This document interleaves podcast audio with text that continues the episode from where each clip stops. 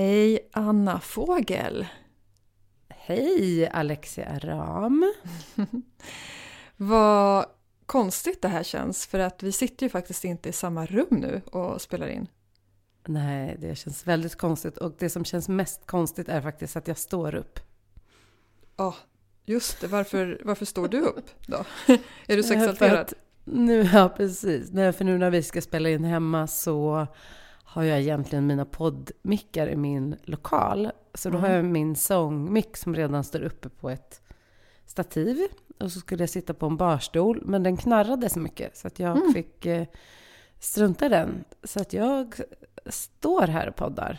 Okej. Det är lite speciellt. Ja, det kanske är bra för energin. Vi får se. Eh, jag sitter på en stol som knarrar om jag rör mig så jag sitter spikrak upp i ryggen. Och så, och så måste jag hålla liksom ansiktet lagom långt från mikrofonen så jag sitter som på givakt. Så du är också en knarrig stol? Knarrig ja, stol? Mm. Knarrig, verkligen. Och det här känns ju ovant. Jag har ju i min eh, förra podd så spelade jag bara in hemma och jag fick aldrig se den jag spelade in podden med ens på bild. Nej, men, för det var ju en hemlig främling liksom. Exakt. Jag gjorde en podd med en för mig total främling. Och med dig har jag ju aldrig spelat in på distans, så det känns, nu känns det konstigt av den anledningen. Exakt, för vi är ovana. Och, vi, ja. och också att vi inte riktigt, äh, i och med att jag står och allting så struntade vi att köra video också, så att vi kör bara vi kör bara röst helt enkelt. Ja, men berätta den riktiga anledningen. Berätta för ja. mig vilket humör du har varit på ja, sen, sen, sen det blev bestämt att vi inte skulle ses på Helio i Slussen där vi faktiskt skulle Så. spela in vår podd idag. Ja, men precis. Mitt humör var mm. faktiskt på topp när jag åkte in till stan idag för att jag har varit sjuk i ja. en vecka. Mm. Och uh, har ställt in så mycket saker så jag var så otroligt taggad att vi skulle spela in på Helio. Mm. Och att vi skulle få ses framför allt, tror jag. Sen kom ju den här snökaoset som vi har idag. Mm. Så av den anledningen så kände du att du kanske inte vill riskera att åka in till stan på grund av bussar, vilket jag förstår. För att det händer ju sånt med SL ibland, att bussarna helt enkelt inte går när det snöar.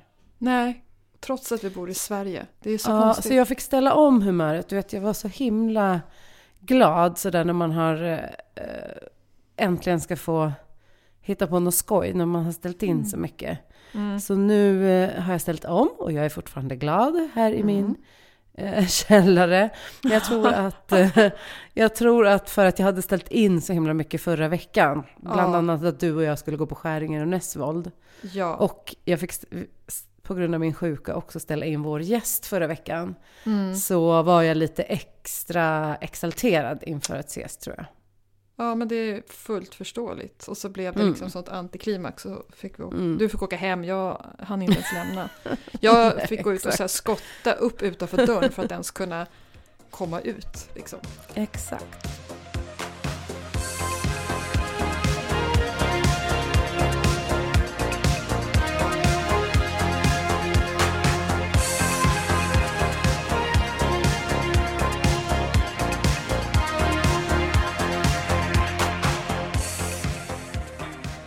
Så nu står vi i varsin uh, utkant av stan, helt ja, enkelt. Men berätta, ska vi berätta för de som lyssnar? Ska vi bjuda in dem till rummet? Ja, såklart. Ja. Kan inte du börja då? Okej, jag börjar. Jag sitter i mitt, eh, jag kallar det för mitt lekrum. Jag har lyxen att ha ett eget rum hemma, trots att jag inte bor själv. Och här inne så sitter jag just nu vid mitt skrivbord. På min högra sida har jag en en hylla på väggen med mina akrylfärger i alla dess former, tuber och burkar. Och sen till vänster om mig har jag en annan hylla med massa härliga böcker om kreativitet, personlig utveckling och några biografier som jag tycker om. Och sen har jag mina eh, skissblock och sånt där. Och framför mig så har jag massa canvases, både målade och tomma. Och jag har en, två, tre burkar med penslar och eh, vattenspruta, papper och palett. Ja, men jag har allt möjligt här.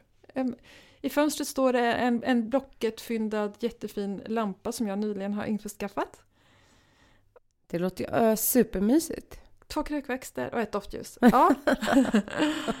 här gillar jag att vara jättemycket. Ja, du har ju gjort ditt rum så himla mysigt också. Jag har ju sett ja, det på bild. Jag har ju varit där också, men jag har ju inte varit sen du har fixat lite mer här på sistone. Just det, jag har satt upp lite bilder på väggen. Mm. Precis. Eh, Exakt. Ja. Så här är jag och här bjuds ni in denna mm. mörka vinterkväll. hos mig så bjuds ni in då i min eh, musikrum slash kontor där det just nu är då eh, väldigt mycket instrument och pedaler och gitarrer. Och, men jag unnade mig också att eh, tända några ljus faktiskt. För jag tänkte jag är ganska bra på att göra det mysigt för mig själv. Mm. Så eh, lite tända ljus och mysig belysning. Eh, men framförallt är det mycket gitarrer här nu. Mm. Men jag sa att vi ska införskaffa en sak som jag trodde hade kommit idag. Mm. I ett paket. För jag såg att det var ett paket som hade kommit. Men det var ett gitarrställ, men jag trodde det var en vinylspelare. Ja. Mm. Så, så den ska vi bjuda in till det här rummet. Mm. Eh, att vi har köpt en vinylspelare. För vi hade tanken att man på fredagen skulle typ spela, lite som vi gör. Vi brukar spela veckans låt. Att vi Just på fredagar skulle ta en fredagsdrink och spela vinyl efter jobbet. Oh, vad mysigt. För att avsluta veckan så. Så att ja. eh, eh det ska komma in i det här rummet också snart. Oh. Jag har ju varit där och det är ju supermysigt. Ni har ju verkligen... Mm. Det är stort också. Ja, det är faktiskt eh, väldigt det... stort. För att vara en källare. Ja, så. precis. För att vara en källare så ja. känns det inte som en källare. Ja. Det, det, känns Nej. öppet. Och ni har fönster åt två håll som jag minns det. Men det kanske bara var ett mm. håll. Men det var Massa många. små fönster du vet, ja. åt båda håll. Så gillestuga? Och, eh, det var verkligen en klassisk gillestuga när vi flyttade mm. in. Med eh, furupaneler och furumöbler och väldigt mycket känsla av en gillestuga på liksom 80-talet kanske. Mm. Ja. så har vi moderniserat lite, men, eh, nej, men det är mysigt här. Ja. ja, men då får vi testa på det här också. Och, eh, eh, ja, du, jag vet ju att du är ju, är ju en entertainer som liksom skiftar humör innan vi går in i sändning. Men, men kan vi inte prata lite om att du faktiskt inte ville spåna sketcher med mig innan? Ja, men det kan vi absolut, det kan vi, det kan vi absolut göra. Därför att oh. när jag var tvungen att ställa om då till att oh. spela in hemma, oh. då kände jag eh, så här, mig besviken, inte på dig, men på vädret. Mm. Jag var besviken på snön helt enkelt, mm. som gjorde att jag inte fick träffa min kompis. Så, ja, så då eh, tog det ett tag för mig att ställa om och då var det så långt att gå från den lite besvikna känslan till att göra sketch. Mm. Det var som att jag inte fick fatt i min humor riktigt. Kan du förstå vad jag menar? Ja, jag förstår precis. Jag försökte till och med uh. skämta och så sa du att du ja. inte riktigt där än. Nej, exakt. exakt. Det är som att man behöver gå, gå igenom liksom, känslan och ställa om innan jag kan gå in i i sketch mode. Ja. Men sen var det faktiskt också så att jag var ju sjuk förra veckan och sen blev min man också sjuk idag. Så att jag tror att det oh. blev lite, du vet, att ja, ja man ska se ut och handla maten och ja, det, det, det bara blev oh. mycket. Så jag kände inte att jag hade space för sketchen, men det kanske kommer. Det kanske kommer, ja. Jag är inte på dåligt humör. Nu. Nej. Nej, det låter inte så. Det är så. inte. Nej. Nej men jag, jag förstår vad du menar. För det kan vara lite grann som att um, Ja men till exempel om man har varit riktigt arg på någon om jag och någon här hemma kanske har rykt ihop. Eller det har varit någon, något så här ruff, gruff liksom. Och så blir man sams igen eller reder ut det där. Då betyder inte att man blir glad på en gång kanske. Känslan kan ju fortfarande sitta kvar och det handlar ju, och det har jag lärt mig nu på senare år, att det handlar ju om att känslorna har sin tidsaxel och tanken har sin. Exakt. Och jag är i alla fall mycket snabbare i tanken än i känslan och det kanske är allmänmänskligt, jag tror det. Va? Mm, det är jag också till 100 procent. Och eh, jag vill kunna skifta om liksom, jättesnabbt. Mm. För jag kan också vara mycket så här, ah, ja men okej, okay, då är det nya förutsättningar, då kör vi på det här. Men ibland så hänger inte känslan med. Nej, och när man tvingar sig själv ibland, för det har ju hänt i alla fall mig och säkert de flesta och dig, att där man är i en situation där man kanske tycker att man är tvungen att skifta om, typ på jobbet om det har hänt något och så liksom mm. bara eh, drar man på lite läppstift och ler och klackar iväg liksom som att eh, allt är frid och fröjd fast det för en kvart sedan kanske inte var det. Så för mig i alla fall så blir ju effekten att jag kör över mig själv. Det är som att jag trampar på mina känslor på ett sätt som inte är så schysst egentligen. Och det handlar inte om att ett behov av att gå omkring och sura och liksom hålla kvar vid det, vid känslan i sig, men bara ge den utrymmet att få tona ut, fejda ut. Snarare. Exakt. Inte elda mm. på och kasta in mer ved i brasan, utan bara få låta den ebba ut i sin takt. Sen kan man gå in i, i glädjen igen. Precis, eller vad jag tycker det var väldigt bra att säga det, fejda ut. För det är precis så det kan kännas ju, eller hur? Att man ja.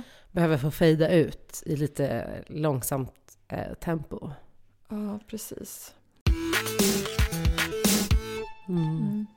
Hur mår du då Alexia? I snön? Jag mår bra. Mm. Det gör jag. Um, ja. Det, vi har klarat oss här faktiskt från diverse grejer. Eh, förkylningar och sånt som florerar. Så det är jag väldigt tacksam för. Att du hade klarat dig från olika sjukor? Mm, jätteskönt. Faktiskt. Inget att klaga på. Jag har... Ja men det är eh, full fart Är det fina fisken eller? Förlåt? Är det fina fisken? Fina fisken, jajamän! Fattas bara! ja men det är det faktiskt.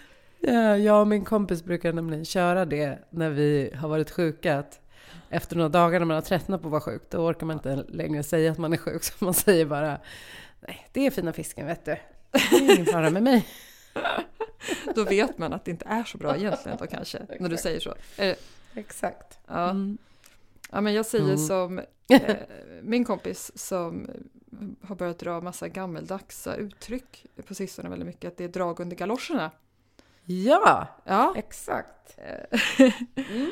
Ja, och det eh, sades ofta i, i helgen här när, när vi var så Skäringe Näsvold som du tyvärr missade då för att du var sjuk. Ja, det var väldigt synd. Men hade ni det kul?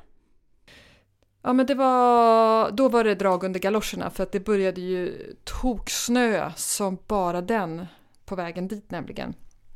Och där hade vi eh, gjort oss till med hår och smink och allt möjligt och såg ut som två snötroll. Alltså vi, ja, helt, alltså vet, mascaran i var liksom både ovanför ögonen och under ögonen när vi väl kom in i, i Globen. Men det gör inget. Det var inte... Men ni hade det kul?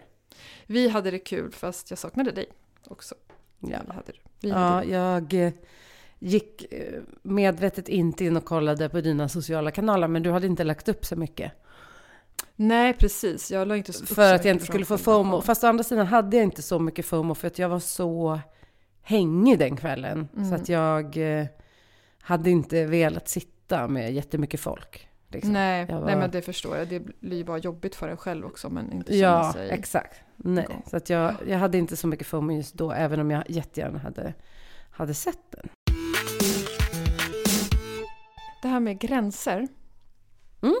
Um, ska vi prata lite om det? För det är ett ja. ämne som, som spänner över så mycket, tänker jag. Både hur vi kan använda gränser i vår kreativitet, men också i arbetslivet och privatlivet som kvinna.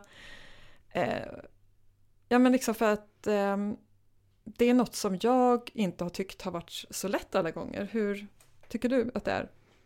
med gränser? Eh, samma här. Jag tycker fortfarande inte alltid att det är lätt att veta vilka gränser jag behöver sätta. Och, men jag har blivit mycket bättre på det sen efter jag blev utmattad 2012. Mm. Mm. Du har ju också varit med om en utmattning. Mm. Hur har den lärt dig att sätta gränser? Eller var du bra på det även innan? Eller är du bra på det nu? Jag är bättre på det nu. Mm. På, och jag, för mig, jag ser det som två lager. Jag har nog varit bra på att sätta gränser utåt, om vi tänker då på till exempel i arbetslivet. Att Mm. sätta gränser utåt sett, inga problem att säga nej, jag kan inte göra den här arbetsuppgiften eller eh, jag behöver delegera det här och så vidare. Det jag inte förstod var att jag satte ju en gräns utåt mot andra, men inte inåt. Apropå det här med att känslan inte följer med. Jag fortsatte ta något slags ansvar Ah, för allt jag sa nej till. Jag släppte det inte Just om du det. förstår vad jag menar. jag förstår precis. Så det- Du kunde ju inte njuta av att känna frihet för att du sa nej. Precis så. Du var inte fri från det mentalt. Nej, inte mentalt och inte känslomässigt. Så det, och det är ju Är du bättre på det nu? Ja. Ja, men som, som man ofta blir av kriser Mm. så blir man ju kanske lite klokare efteråt. Mm. Det tycker jag. Vilka gränser tycker du är svårast att sätta? Åh, vilken bra fråga. Jag tycker att de svåraste gränserna är nog de jag behöver sätta upp för mig själv. Mm. Ehm, I fråga om hur mycket jag hinner med på en dag.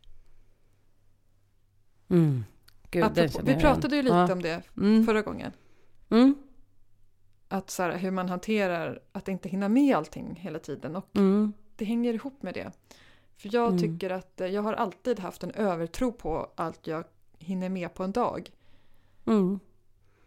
Därför du är ett så bra team, för att vi har båda övertro på det. Ja, precis. Så vi kompletterar inte alls varandra där.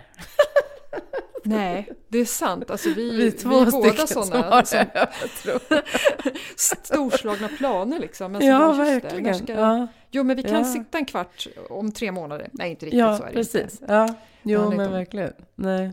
Om det bara. Men ja, så Mm. jag skulle säga dels det för mig själv. Vad det gäller hundar och barn, där är det lättast att sätta Mm. gränser. Ehm, jag funderar faktiskt ganska mycket på det här till vardags för att jag upplever tyvärr fortfarande att det är vissa situationer att man som, och nu kommer vi in på området, att vara kvinna och sätta gränser Ja. i sociala sammanhang där män eh, avbryter och tar ordet. ja, det är ju en gräns jag inte ens har tänkt på. Du har inte Ah. tänkt på det?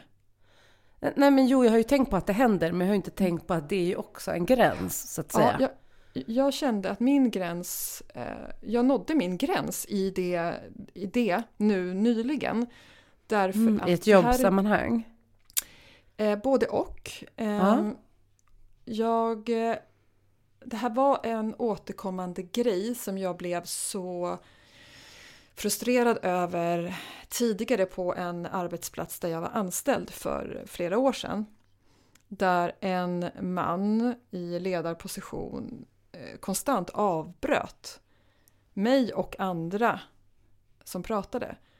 Bara kvinnor eller andra Ehm, eh, personer? Jag försökte, jag kan inte säga att det bara var kvinnor faktiskt. Men jag vet att det var jag och kvinnliga kollegor. Sen kan jag inte minnas faktiskt om det var män också. Och det var något jag då irriterade mig otroligt mycket på. Men det är svårt när det är en person som man är lite grann i... Man är ju lite grann i beroendeposition när man är anställd. Precis. Och det är ens eh, ja, kollega som är liksom ett snäpp över en och har en sorts makt över ens arbetssituation. Så att där svalde jag det mest. Och bara Ja. försökte liksom skaka av med det. Men sen så har jag gått och tänkt på det mycket i olika sammanhang. Inte så att det har tagit massa tid, men jag har blivit påmind om det tyvärr. Av, Mm. Och du kanske det, har blivit mer uppmärksam på det, eller? Ja, När det händer. precis. Det Exakt. blir en trigger. Det blir något som man Exakt. börjar se på ett annat sätt. Ja, tack. Mm. Precis så. Så det är inget jag har gått och ältat utan jag har blivit uppmärksam på det och jag, jag reagerar väldigt snabbt på det här att bli avbruten och speciellt Mm. av män. För det är oftast män, som jag i alla fall, har blivit Mm. avbruten eh, i arbetssituationer men även ibland socialt. inte min man då, där är det oftast jag som avbryter tyvärr. Så jag är på inget sätt felfri i, i ämnet men jag är medveten om det. Jag försöker att uppmärksamma om jag avbryter någon och eh, hålla tyst. Eh, ja, men hur har mm. du kunnat satt den gränsen på senare tid? Alltså har du sagt ifrån? Vet Eller? Du, eftersom det har hänt, Vad har hänt upprepade tillfällen av personer jag inte känner jätteväl faktiskt. I, I sammanhang, i ett rum med flera människor så har det hänt vid flera tillfällen. Överraskande liksom tätt inpå. Det är inte samma personer utan det är olika mm. män. Olika um, män. Mm. Mm. Och jag blir så paff när det händer. För att det är så uppenbart att mm. jag var mitt i en mening och bara blir avklippt för att någon annan behöver säga någonting som är viktigare. Mm. Eh, verkar det som att personen då tycker om den avbryter. Eller så är det bara att den totalt inte lyssnar när, när jag pratar. Hur som helst så har jag blivit så paff så att jag bara tystnar och blir irriterad och förbannad inombords istället utan att det märks. Men nu har den gränsen kommit till sin spets att jag har utvecklat en strategi för vad jag ska göra nästa gång det händer. För att så här kan ja. inte fortsätta. Nej. Det är inte okej. Inte okej. Nej. Så... Eh, så vad ska du göra? Igen. Ska du avslöja det eller eh, ska det ja, vara hemligt? Ja, det kan jag göra. För det är ett medskick till alla... Eh, alla som alla kommer som blir, försöka avbryta dig nu. Ja, och om jag ja. avbryter dig eller någon annan som känner mig och lyssnar på det här så får ni jättegärna använda det här till mig också för att jag tycker att det är en rimlig grej. Och det är faktiskt att i stunden när, när jag blir avbruten så tänker jag avbryta tillbaka och eh, fråga varför avbröt du mig? Ja, jag behöver inte säga det på ett otrevligt sätt utan bara fråga, eh, fråga mm. varför mm. avbröt du mig? Och då kan mm. det vara att personen ibland kanske oj, jag tänkte mig inte för jag märkte inte ens att, så okej, okay, och sen så kan man ju fortsätta, då tar man ju tillbaka ordet. Mm. Tyvärr tappar man ju kanske lusten då, men så det är en, en sån så var, fråga bara, varför avbröt du mig? Mm. Um, ja. Bra gräns, gränssättning. Ja, och lägga tillbaka ansvaret, eller lägga ansvaret så här, hos den som avbryter. För ofta tror jag att det kanske handlar om att man behöver uppmärksamma personen på. Mm.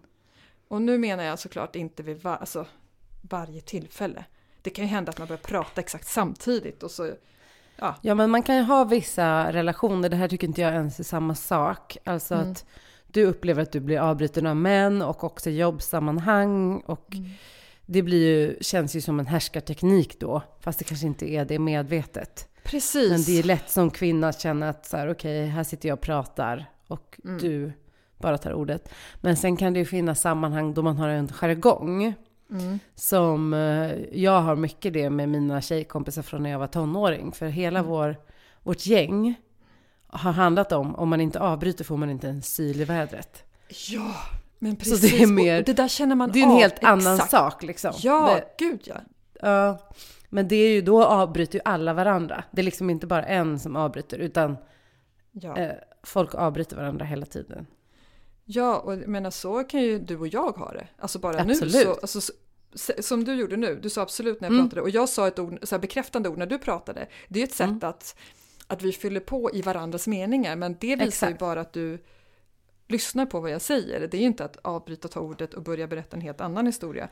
Eh, eller som du säger i, i rum och sammanhang där man faktiskt liksom får sno ordet mitt i, i någon annans mening för att ens få en mm. liksom, chans. Så då är, då är det någon slags allmän jargong, så det är inte den jag pratar om alls. Utan Nej.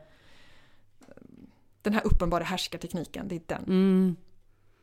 Det där är en bra gräns i alla fall. Har du några gränser som du sätter för att kunna vara mer kreativ? Alltså, jag vet ju förut att du har berättat att du ibland får säga till till exempel barnen att nu ska jag gå in här i rummet och mm avbryt mig bara om huset brinner och sånt. Alltså har du... Ja, det. För, för, det tror jag att många, om man ska skapa i hemmet och mm. vara kreativ hemma, så tror jag att det här är en sak som många brottas med. Att man faktiskt blir avbruten av mm. familjemedlemmar. Ja. Eh. Brukar du säga till dem innan då? Eller har du någon Alltid. gräns du sätter i hemmet? Absolut, eh, verkligen. Som Mm. nu innan jag skulle in och podda så sa jag till alla, nu spelar jag in podd, nu får ni inte Mm. eh, kontakta mig. Mm. Eh, nej, ja absolut, och det är inget problem eh, alls. Det, och det skulle jag säga är en nödvändighet för att även om man troligtvis inte blir störd så är bara risken att någon kan komma in och störa en faktor som gör att du inte kan släppa taget helt och hållet och gå upp i ditt skapande. Det, det blir liksom en energi som riktas åt att vara lite redo för att bli avbruten. För mig är det så i alla fall. Kanske inte, Mm. inte alls för alla, men för mig är det så.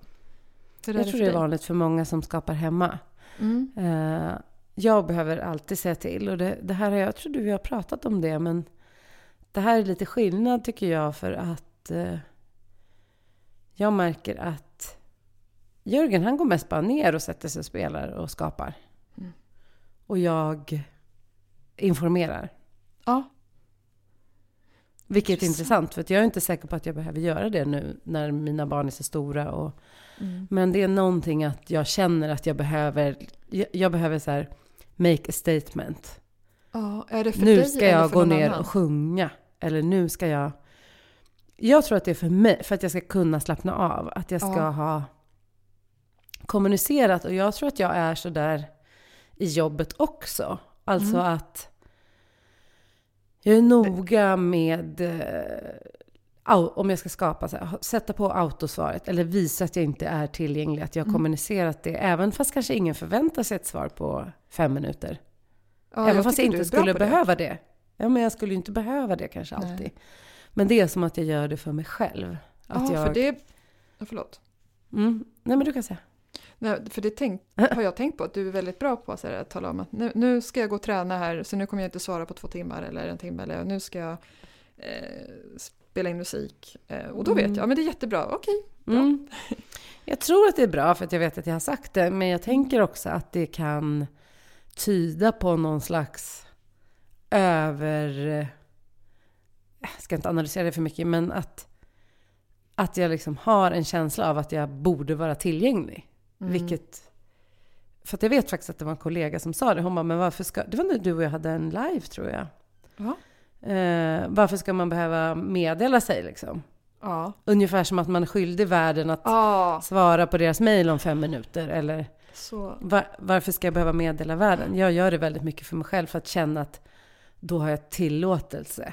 Ja. Men egentligen behöver jag ju inte den till, tillåtelsen. Egentligen är det bara att göra. Hur är du när det gäller till exempel om du har planerat någonting och så får du en inbjudan eller en förfrågan om någonting som krockar med det du har bokat. Känner du att du gärna vill berätta att du inte kan på grund av att du ska X, Y, Z? Eller vad du nu ska. Eh, ja, den här gränsen tycker jag är intressant. För att den är jättestark hos mig. Att, du jag behöver ha en berätta. ursäkt. Ja, men Ja. att jag... Jag har jobbat väldigt mycket med den här. Mm. Du vet, det finns en, eh, en saying som är typ nej är en fullständig mening. Ja, exakt den. Älskar. Mm. Ja, det tycker jag på sätt och vis. Samtidigt tycker jag ibland om jag skulle fråga någon om något och den bara sa nej, Vill du, spela, eh, vill du gå och ta glas vin med mig efter jobbet Alexia? nej. Nej.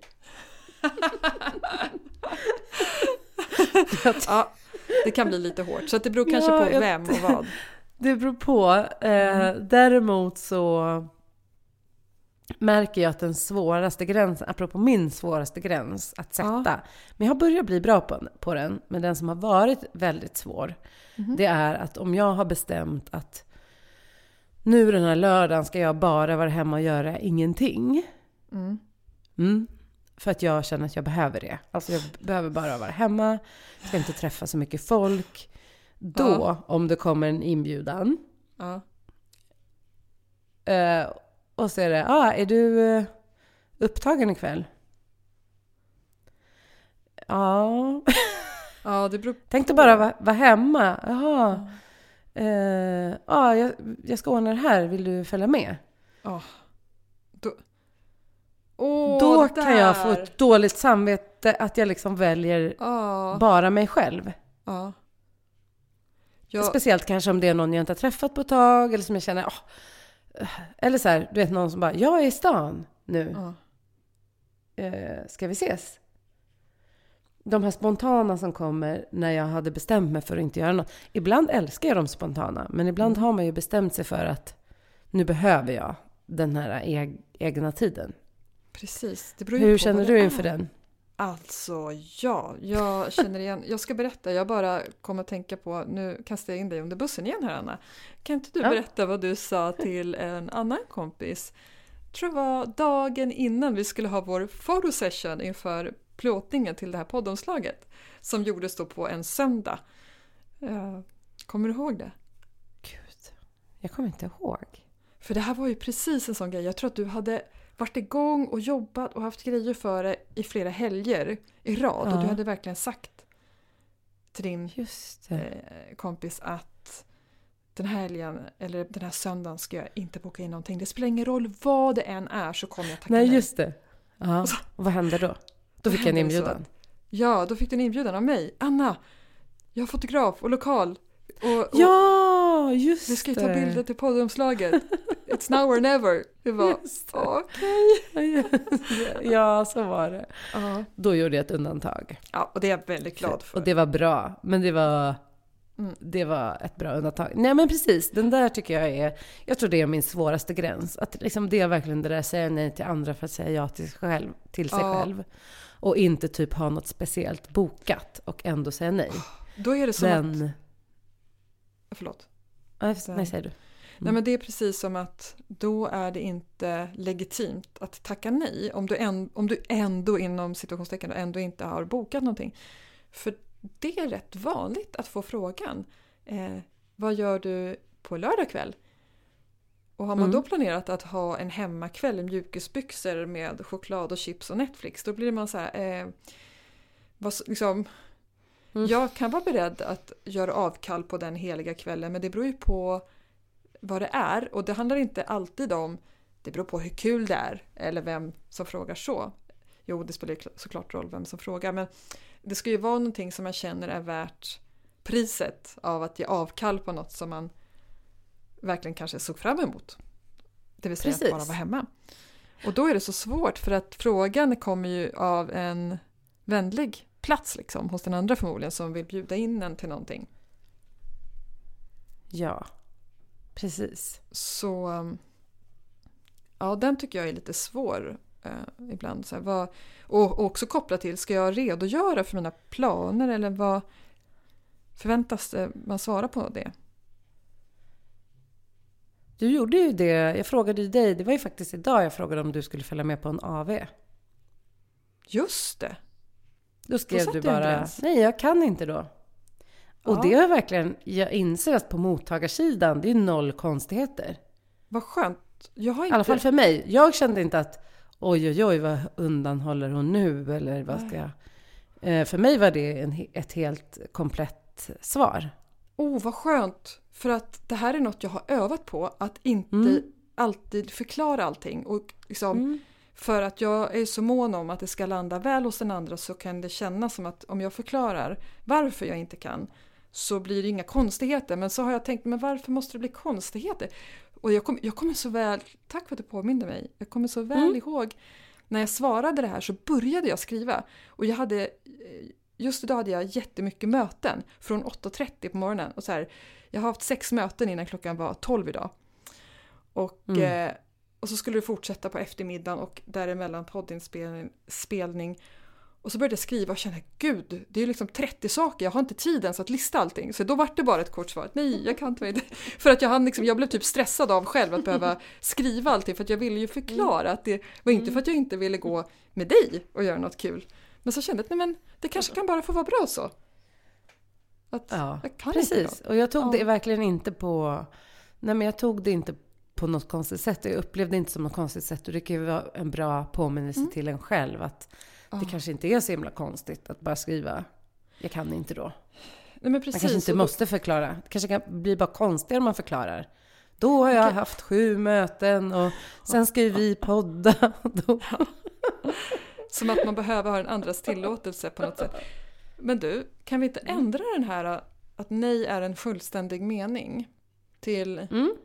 Nej är nästan en fullständig mening? För att man kan Mm. faktiskt, alltså nej punkt kan bli väldigt kort och hårt och det öppnar för missförstånd och sårade känslor. Det är onödigt. Eftersom ingen av oss är psykopater så kan man kanske lägga till här, nej men tack för att du frågade. Ja. Det är också väldigt roligt att gå från, förlåt, att gå ifrån att vara den här som ger jättelånga förklaringar Ja. till att plötsligt, plötsligt bli en som bara skriver nej, punkt. Så total, så. total personlighetsförändring. Ja! Vad har hänt med henne? Hon, hon brukar alltid förklara så snällt. Ja men då skulle man ju tro att det var något allvarligt som har hänt. Men ska vi, jag tänker, ska vi skicka lite så här, vad har vi för mer gränssättningstips? För jag tycker det här med gränser är intressant. Mm. Eh, det är Ja, ju... Jag tycker det här att vänta med sitt svar är en bra gräns också. Den är asbra. Ja. För att man vill ju gärna göra någon... Det handlar ju om... eh, Så, vad heter det? Instant gratification. Att göra någon glad på studs genom att bara säga ja och inte tänka på konsekvensen. Eller att kunna vänta en dag, tänka efter och återkoppla. Kanske när man har tänkt efter med vad man egentligen vill. Ja, så viktigt. Och ofta handlar ju gränser om att skydda en själv snarare än att hålla andra borta. Ja, vad fint. Tack. Tack. Och, och precis det du säger, att faktiskt vänta med svaren. Det tycker jag att jag har fått lära mig av min man som verkligen alltid har varit bra på det. Och jag har varit raka motsatsen och väldigt, kan vara väldigt impulsiv om, med att tacka ja om det är något, något som är kul som jag går igång på. Då ser jag till Mm. att, ja, ja, liksom, även om jag inte riktigt vet hur jag ska hinna med det eller så säger jag ja för att det är så kul Mm. i stunden. Och sen Och kan då det gör man kännas... den andra glad snabbt också. Det är också det. Ja, den som precis. frågar. Något slags Det är medberoende. roligare att vara den som säger ja. Gud ja, verkligen. Mm. Och sen efter ett tag kanske inte känns lika kul när man har hunnit eh, med, och, med sig själv. Och då är vi tillbaka med, i det vi pratade om i början här i samtalet, att tanken är snabbare än känslan ibland. Att Mm. det låter kul och i stunden så vill man göra den andra glad så man svarar kanske ja. Och sen så kommer den verkliga känslan in att oh vänta nu, jag hade ju behövt en kväll helt ledig här eller det här är inte alls rätt timing för mig just nu eller vad det nu är. Mm. Jag tror det är jätteviktigt också kopplat till kreativitet och eh, eh, speciellt med eh, kvinnor och kreativitet faktiskt. Eh, jag har ju en kompis som har skrivit en bok som heter Han är så bra på att ta egen tid. Mm. Maria Farm heter hon. Mm. Eh, och där skriver ju hon att just det kan ju vara svårare för kvinnor att bara ta sig den tiden för att det, det kan liksom uppfattas för en själv som den här egotid då. Att Mm. till exempel sätta sig och måla eller skriva eller spela. Att, Mm. att bara få göra det för sig själv. Mhm. Så jag tror gränssättning är så himla viktigt just för vårt kreativa. Mm. Och det kanske inte är så lätt för den att förstå heller som inte är kreativ. Nej. Kan man få den att förstå på något sätt? Mm. Eller då är vi där igen, måste vi ens förklara det? Måste vi få den andra att förstå? Det kanske bara räcker Nej, med att man jag. uttrycker att det är viktigt för en. Att det här, Mm. det här behöver jag för att Mm. eh, må bra eller vara glad. Mm. Och det finns en annan aspekt som jag också tänker på kopplat till det här. Och det är ju att det här är ju tyvärr inget som vi får lära oss i skolan. Tvärtom så tycker jag, i alla fall så som det var att växa upp i, i skolvärlden liksom på slutet av 80-talet och början av 90-talet. Eh, att och som tjej liksom på något sätt plocka bort sina egna gränser i mångt och mycket. Var det Verkligen. någon kille i klassen som höll på att vara taskig, mot- eller som drog i håret, kastade sudd och så sa jag till fröken och då skulle man bara, nej men han, han försöker bara få din uppmärksamhet, ignorera honom.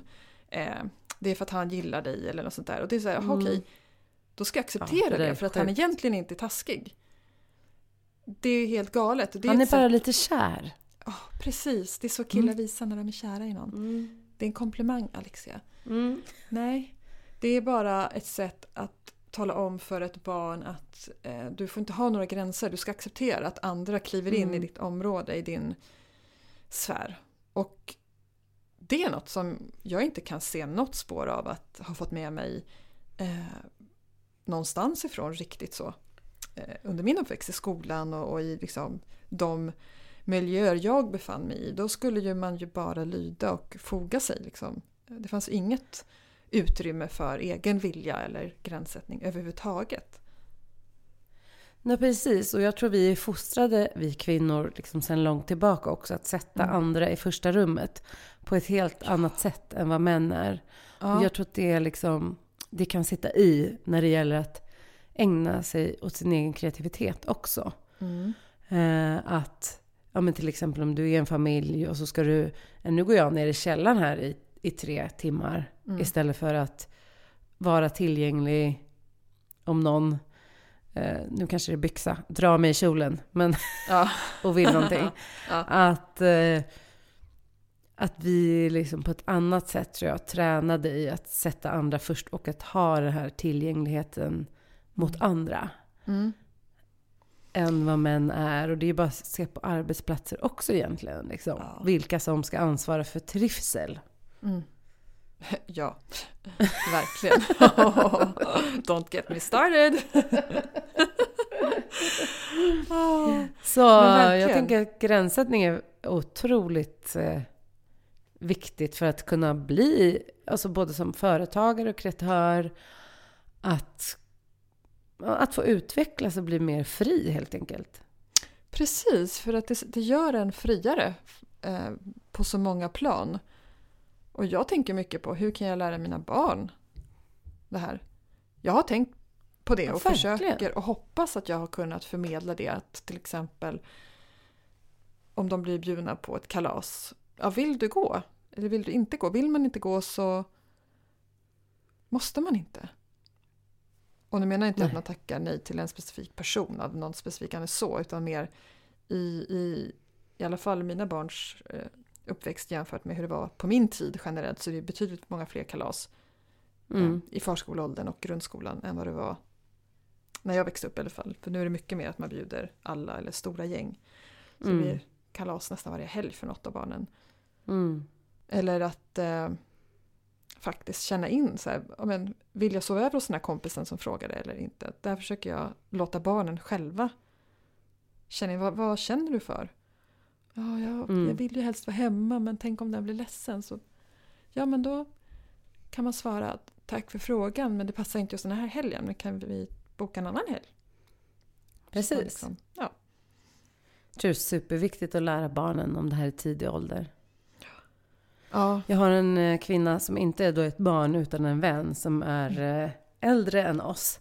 Mm. Och hon har alltid varit så här som har ställt upp på väldigt många människor. Allt ifrån att vara barnvakt till att skjutsa, hjälpa folk att flytta.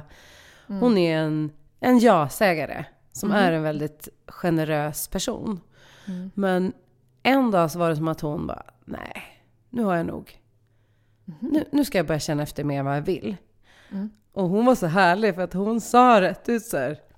Ja, men vill du hjälpa till med det här? Hon bara, nej, det har jag absolut ingen lust med. Gud vad härligt! Jävla härligt. Men det är underbart! Och det var så befriande att hon bara så här, och det hade hon ju kunnat säga till mig. Alltså jag hade inte tagit Ja. illa upp för hon sa det på ett sånt sätt som var väldigt, nej, det där har jag absolut ingen lust med. Ja, men, exakt, för det är precis det jag menar att det beror så på hur vi levererar det. Man kan göra Mm. det med en sur min och röst eller som hon gjorde då. Med Mm. bara ett hjärtligt uppriktigt svar som inte kom Ja. från... Hon satte en gräns för sin, sitt välmående, inte för Ja, ja. att markera eller straffa dig. Eller Nej. den som frågar. Det, det är ett jättebra eh, tips att man kan faktiskt mm. eh, göra en usväng när som helst i livet mm. i det här beteendet om man verkligen vill. Ja, verkligen. Jag har ett till tips om man vill mm. öva på det här så är det jättebra att skaffa en hund, en, gärna en hundvalp. För att där behöver du som ledare vara otroligt tydlig och tålmodig med att sätta tydliga gränser. På, på en helt annan nivå än med människobarn kanske. Ja. Beror på vad man har för barn men jag har i alla fall fått eh, öva mer på grän, tydligare gränser med, med hundarna än med barnen. Gränser, väldigt viktigt tema. Ja men verkligen. Vi skulle kunna fråga kan... lyssnarna också. Hur, hur är ni på att sätta gränser? Tycker ni det är lätt eller svårt? Ja. Eh, tagga oss gärna. Vi har ju också en uppmaning att ni kan eh, ta med oss in i era rum. Ja, det Så att tagga fågel och ram, hashtag vogel och ram när ni lyssnar på podden. Om ni är ute och mm. går, om ni sitter hemma eller om ni sitter och skapar någonting. Mm. Just det tagga oss gärna och, eh, mm. och uh, hashtagga oss så, så vi får se, mm. för det är så himla himla kul. Mm. Ska vi summera det här med gränser innan vi uh, går vidare på uh, något som jag verkligen är nyfiken på?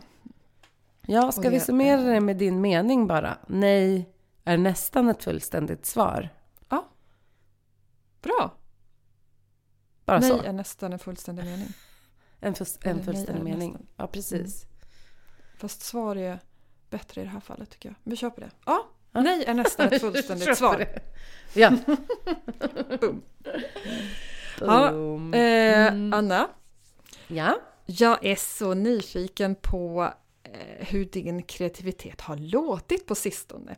Eftersom det här är ju ett ljudmedium så kan det vara lite mm. kul att höra hur kreativiteten mm. låter. För det... Ja, är det något du har eh, lyckats spela in och som du kan spela upp? Jag har det och det blev mm. Eh, faktiskt en, en, en, rolig grej. För att mm. eh, um, det var så här att jag var nere här i studion i helgen mm. och höll på med mina nya låtar. Mm. Och sen så letade jag i datorn och bara, men vänta, gjorde inte jag hade inte vi, du vet, vi pratade förra gången om känslan av att ligga efter. Nu fick jag mm. nämligen känslan av att ligga före. För att, vet jag tänker, vänta, hade, hade inte vi för några år sedan spelat in, typ nästan klart, en cover på en av våra favoritlåtar som vi brukar köra live? Mm. Och så sökte jag på den i datorn och så bara tog jag upp projektet. Och så satte jag på och så insåg jag, men gud vad bra. Här är ju en låt som är nästan klar för mix. Oj! Uh, ja, så jag tänkte spela en snutt av den. Vad roligt! Take me, take me down, down tonight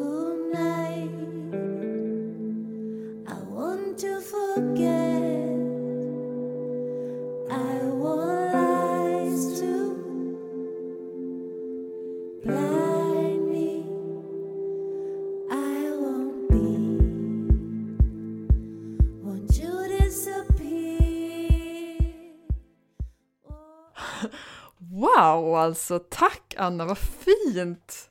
Va? Vilken grej! Jättekul! Som en present till dig själv.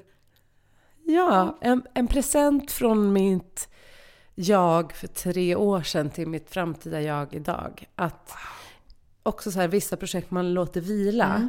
och sen så kommer man tillbaks till dem och bara, men det här, jag gillar det här. det är ju superkul ju! Det är ju någonting mm. att göra mer av kanske då. Mm. Mm, exakt. Kul, tack! Och du då, hur låter din, eh, hur låter din kreativitet? Jo du, det ska du få höra. Jag ska plocka fram det här. Min kreativitet har jag på ljud därför att eh, jag har, eh, håller på att mejsla fram en karaktär som jag vill ha i sketcher. Och då testar jag lite grann olika grejer. Så du ska få höra lite hur det lät när jag skissade på karaktären. Här har vi Agneta. Eller kanske Rosie. Mm. Vad ska det här konstnärliga geniet, denna eh, eh, lidande konstnär heta? Va? Agneta? Rosie? Eller något helt annat? Så. Var det lite göteborgska eller? Nej, det var nog lite... Pratade hon göteborgska eller vad pratade hon för dialekt? Ah, jag, ja, precis. Jag vet inte. Det var ingen medveten dialekt. Det var snarare Nej. lite åt... Eh, jag tror att jag gick in lite i Dramaten-mode. I Dramaten-mode? Mm. Nu råkar jag veta vad det, vem hon blev också. Ja, men det kan vi berätta. Det blev ju inte en Agneta. Nej, det blev inte Agneta. Nej. Det blev Rosie. Så för att... Eh, det, så, men hon så är, underbar, jag älskar den karaktären. Gör du det? Tack, för jag har känt mig jätteosäker. Ja. Jag la ut en sketch. Har du? Ja.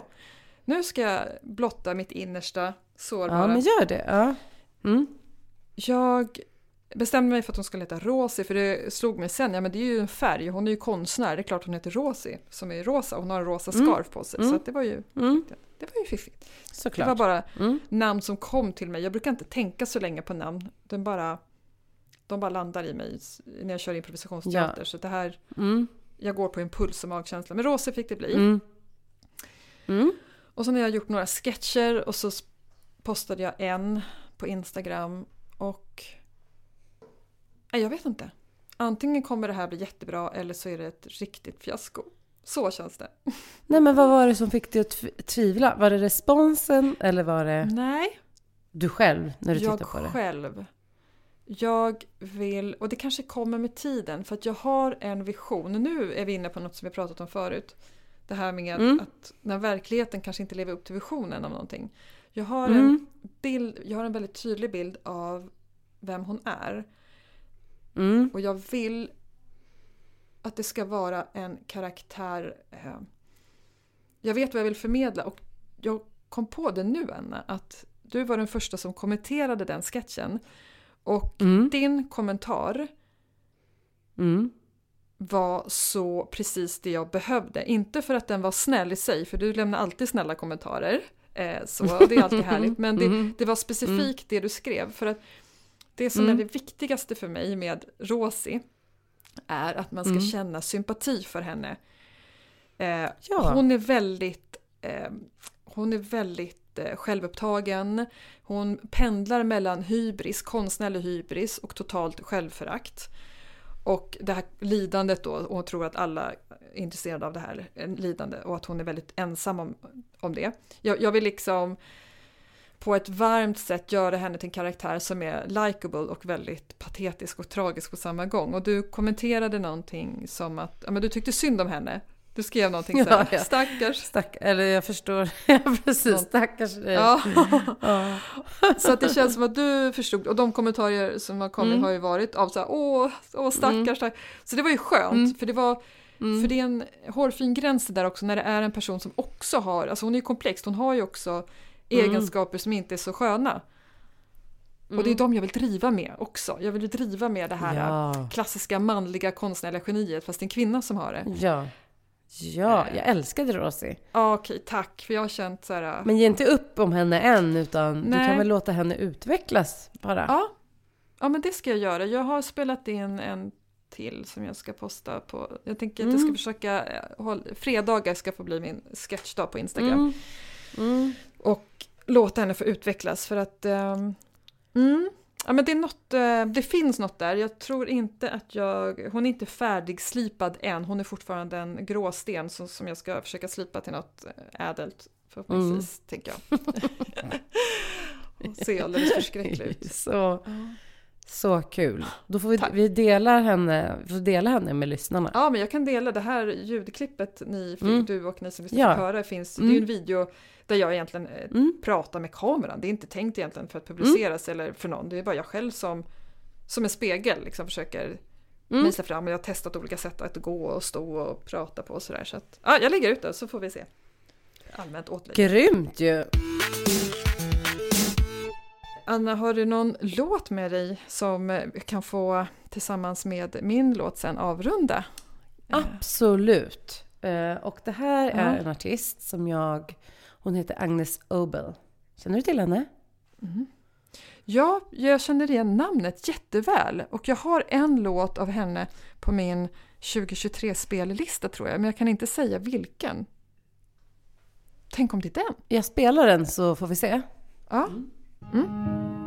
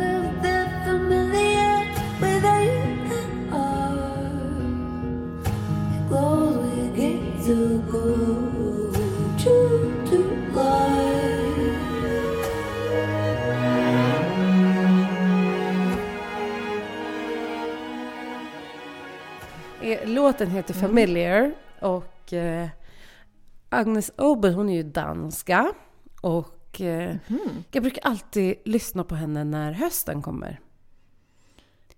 Jag förstår mm. det. För den har en sån höst och vintrig känsla. Det är mm. liksom mörkt ute mm. och så ser man fönster som det lyser i, mm. tänker jag. Eh, och jag återkommer ofta till henne när det blir mörkt. Sen ah. var hon också, det var ganska häftigt för att jag har lyssnat på henne många år och aldrig sett henne live förrän 2020 i mars. Och mm. det var veckan innan allt stängde ner mm. inför pandemin. Just det. Och hon kommer ju från klassisk wow. musik från början. Och hennes musiker ja. var också, det var bara kvinnor. Eh, många mm. liksom, klassiskt skolade musiker. På stråk, mm. Och sen samtidigt det här äh, väldigt suggestiva, mystiska. Ibland hör man inte ens vad hon sjunger. Det är som att hon har ett Aha. eget språk. Om du börjar lyssna på henne så kommer du höra. Hon sjunger på engelska. Men hon ja. fraserar på ett sätt. Så att ibland wow. Äh, hör man inte riktigt orden. Jag älskar hennes äh, ljudvärld. Som är så suggestiv och mystisk. Men också att det har grund i i liksom den klassiska musiken. Mm. Fast det absolut inte är klassisk musik. Nej. hon är klassisk pianist från början. Wow. Mm? Tack för att du öppnade den mm. världen för mig. Det har jag helt missat Det här är jättemycket att jag... upptäcka. Verkligen. Det, det här var, det lät så stämningsfullt. Och eh, precis som så här mystiskt och lite eh, mörkt och mysigt. Exakt. Fast på, ja, på ett sätt som är så här skönt obehagligt om du förstår vad jag mm. menar. Det är inte liksom julmysmusik om man tycker att julmusik är mysigt. I julmusik finns det inget mörker men mm. här fanns det det och jag gillar mm. ju det. Apropå vad vi har pratat om innan. ja, just det. Ja, precis. Verkligen. Mm. Ja, men vad har du då Alexia? Så tack. Varsågod. Vad har du för Jag, vad har jag för låt? Jag har med mig en låt från en artist som, som har berört mig eh, väldigt mycket och som jag har sett live. Och jag vet ju att du är ju ett stort fan av live. Jajamän. live. Ja. Och jag har inte varit på en, en, ett liveframträdande utan att mina tårar har runnit för att det har varit så vackert. Det är en artist som har en väldigt speciell scennärvaro. Ah. Eh, och det är en svensk artist. Coolt.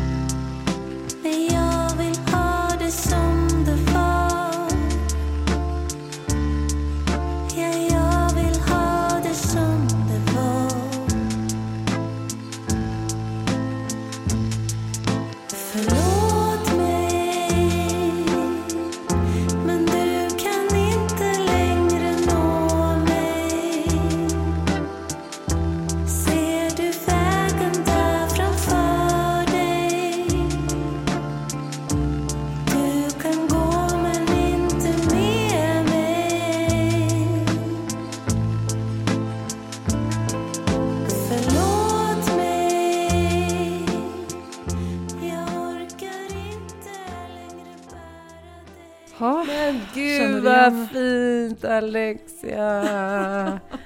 Alltså, Ja, vill du berätta vad vi har Ja. lyssnat på? vi hörde Anna Fågel med låten Förlåt mig och nu känner jag mig så här generad för att eh, jag både hade, har ju haft med mig hur min kreativitet låter en låt och sen har du tagit med min låt. Ja.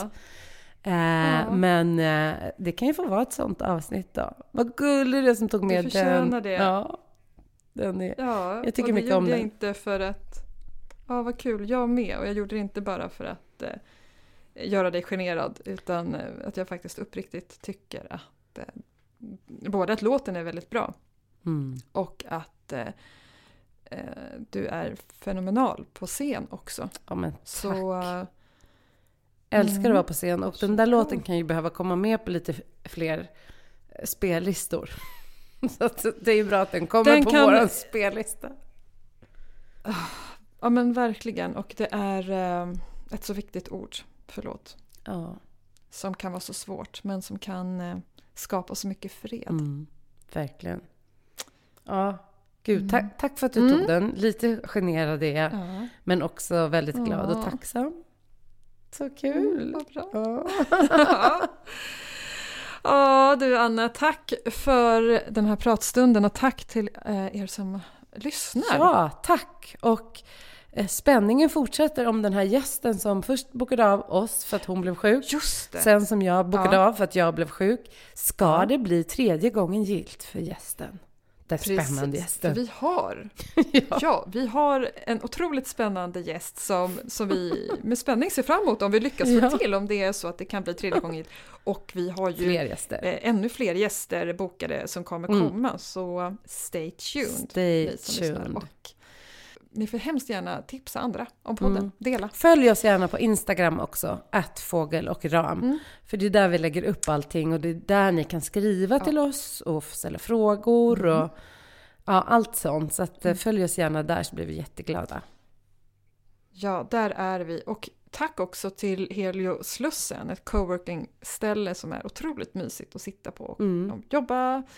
Eh, De har café där och poddstudio där vi skulle ha spelat in idag Mm. men som vi eh, ser fram emot att spela in eh, på Verkligen. nästa gång istället. Det blir så Mm. kul.